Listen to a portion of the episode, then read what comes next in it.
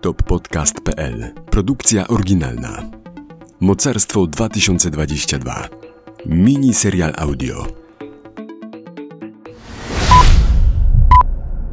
Dzień siódmy. Wszystko zaczęło przyspieszać.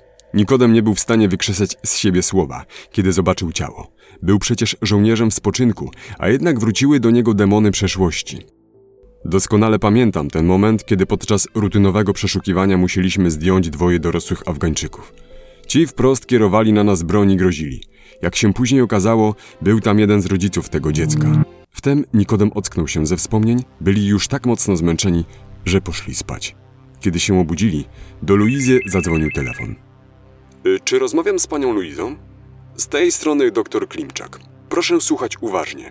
W ciele Denata znaleziono truciznę.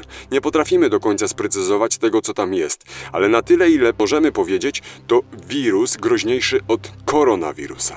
Aha, i jeszcze jedna bardzo ważna informacja. To nie Olek, to ktoś inny. Decyzja zatem była jedna. Rozpoczynam dziennikarskie śledztwo. Tylko gdzie do cholery jest Olek? Dlaczego zniknął akurat, kiedy my przyjechaliśmy? Kto będzie to wiedział? Luiza z Nikodemem pojechali do studia Radio Podlasie 24. Dzień dobry. Co się tutaj dzieje? Dlaczego Olek jest ścigany i czego chcieli się od niego dowiedzieć? Historia Olega nie jest taka oczywista, jakby mogło się pani wydawać. Otóż dwa lata temu Oleg bardzo często przebywał poza granicą.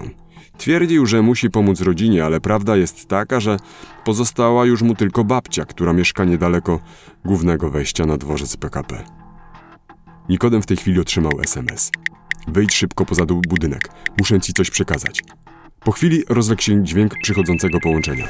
Właśnie dowiedziałem się, że Pekin szykuje jakieś ruchy oceaniczne. Prawdopodobnie będą to manewry wojskowe w pobliżu Japonii oraz w pobliżu Indii. Ponadto mamy wyniki śledztwa z Wuhan. Okazuje się, że wariant, który pierwotnie wyszedł na cały świat, faktycznie był odzwierzęcy. Jednak jest wiele opinii biegłych sądowych, by można było uznać jeszcze przez jakiś czas prawdę o tym, co się wydarzyło. To jednak nie koniec bomby biologicznej wprost z Chin. Już wkrótce czekają nas prawdziwe hekatomby.